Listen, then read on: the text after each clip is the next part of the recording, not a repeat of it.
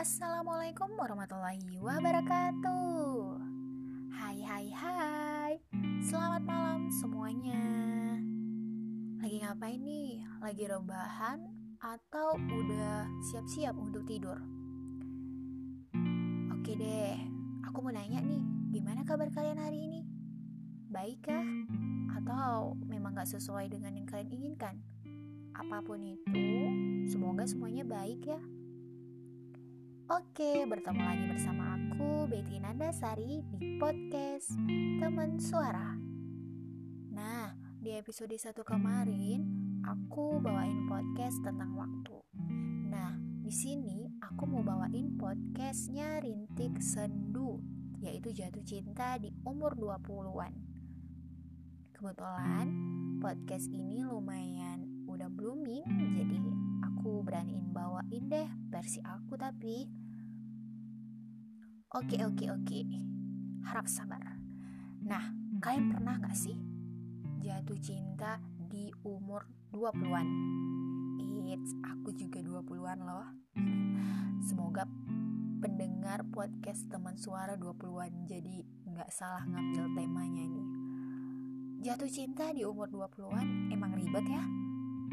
Makin ribet lagi kalau jatuh cinta sama yang juga seumuran. Kok gitu sih? Kenapa bisa gitu? Oke, oke, oke. Di sini aku jelasin ya. Kalau jatuh cintanya sama yang seumuran, egonya sama, emosinya sama, prioritasnya sama, kesibukannya juga sama.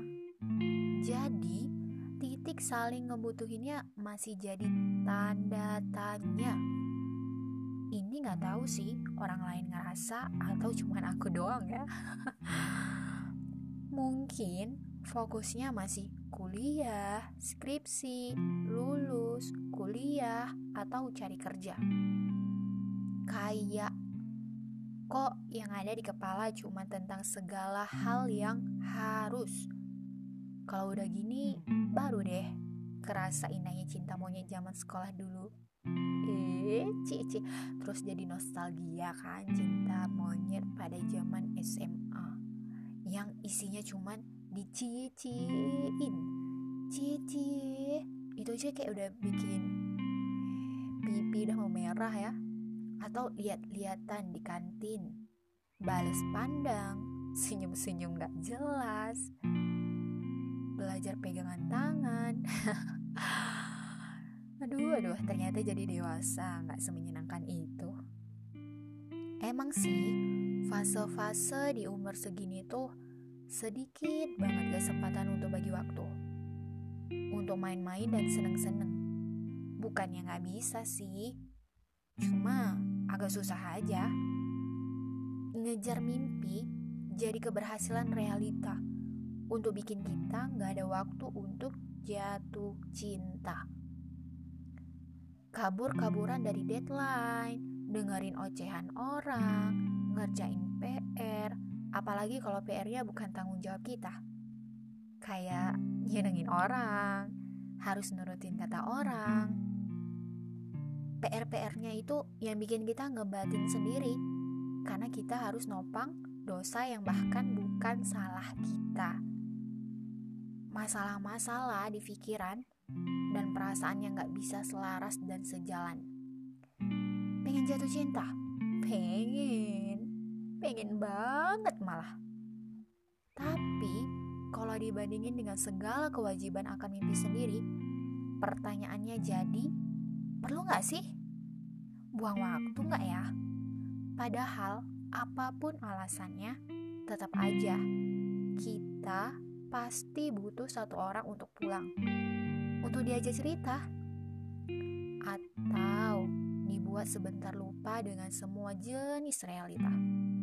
Sebuah dekapan, kencan, atau hal-hal sederhana kayak duduk berdua yang bisa jadi obat akan capeknya jadi manusia. Cuma yang berat adalah nemuin titik temu Kesibukan yang gak tentu, ditambah kangen yang manja, jadi ngeberantemin hal-hal yang sebenarnya gak perlu dipusingin. Sesuatu yang harusnya indah, yang harusnya redain lelah, bisa juga malah nambah masalah. Jatuh cinta di umur 20-an mungkin akan tepat kalau porsinya pas. Satu visi dan satu tujuan. Terserah gimana jalaninnya. Kalau bisa saling ngerti dan saling percaya, sebenarnya mau bangun apa juga pasti kokoh. Enggak, tetap enggak. Mudah kan? Emosi yang masih labil, pondasi hati sendiri yang masih nggak tentu. Yang untuk jawab pertanyaan, maunya apa, juga masih nggak tahu. Hal-hal kayak gitu yang membuat segala hal tentang cinta jadi tumpukan ragu. Padahal nggak ada yang salah. Padahal juga nggak perlu jadi masalah. Ternyata benar ya, kita emang harus belajar ngendaliin hati sendiri dulu sebelum masuk ke hati orang lain. Duh, cuma balik lagi, kita bahkan gak pernah minta untuk jatuh cinta. Apalagi sampai peduli dan menyayangi seseorang. Itu kan kejadian begitu aja. Bahkan kita gak bisa nolong diri sendiri untuk terhindar dari perasaan senang. Dari hal yang juga gak jelas, yang nimbulin senyum, semangat baru, tentang hal-hal baik yang mungkin gak akan bertahan lama, yang kalau berakhir akan ngebuat yang sulit makin gak bisa dikerjain, ngebuat yang mudah jadi putar balik arah, maksa kita untuk nyerah. Gimana ya? Baik buat kita belum tentu juga tepat buat kita. Awalnya aku pikir akan lebih mudah kalau jalin ceritanya sama orang yang usianya gak sama yang lebih tua maksudnya yang harusnya lebih bisa segalanya lebih nenangin lebih dewasa lebih ngerti tapi ternyata kedewasaan seseorang gak bisa dinilai dari angka tapi dari gimana dia ngambil keputusan terus akhirnya aku sadar permasalahannya bukan dari usia 20-an tapi dari fase pendewasaan yang di satu sisi ingin menyatu dengan seseorang, tapi di sisi lain kita bahkan belum menyatu dengan hati kita sendiri. Dulu, waktu aku belajar naik sepeda dan, dan selalu jatuh, ibu bilang, nanti juga bisa sendiri kok. Mungkin ibu bilang begitu supaya aku bisa mengesampingkan kegelisahan aku.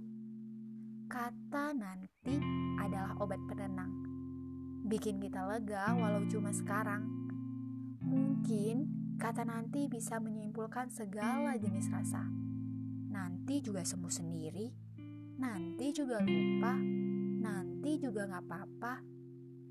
Jadi, kalau kalian yang sekarang lagi dengerin Betty ngomong dan kalian juga ngerasa hal yang sama, ngerasa bingung sama sesuatu yang bahkan gak kenapa-napa, gak apa-apa.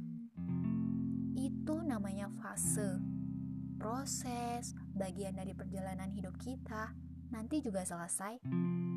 Kalau mau jatuh cinta, jatuh cinta aja. Jangan mikirin resikonya.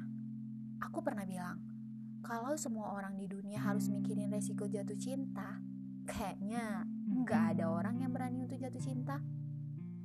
Perkara masalah yang ada di hari nanti juga nggak usah dipikirin. Kadang jalan keluarnya cuma dijalanin. Kalaupun belum siap, nggak apa-apa. Semua hal punya waktu baiknya masing-masing. Apa pun itu, sedih, kecewa, marah, senang, akan jadi roda yang terus berputar. Dan kita ada di dalamnya, di tengah. Nikmatin aja. Karena ujung-ujungnya nerima akan jadi alasan untuk tetap menjadi manusia. Nah, sekarang kalian udah tahu kan apa yang harus kalian lakuin? Dan semoga apa pun itu baik ya untuk kalian. Terima kasih sudah mendengarkan podcast ini dari awal hingga akhir. Sampai jumpa di podcast teman suara berikutnya.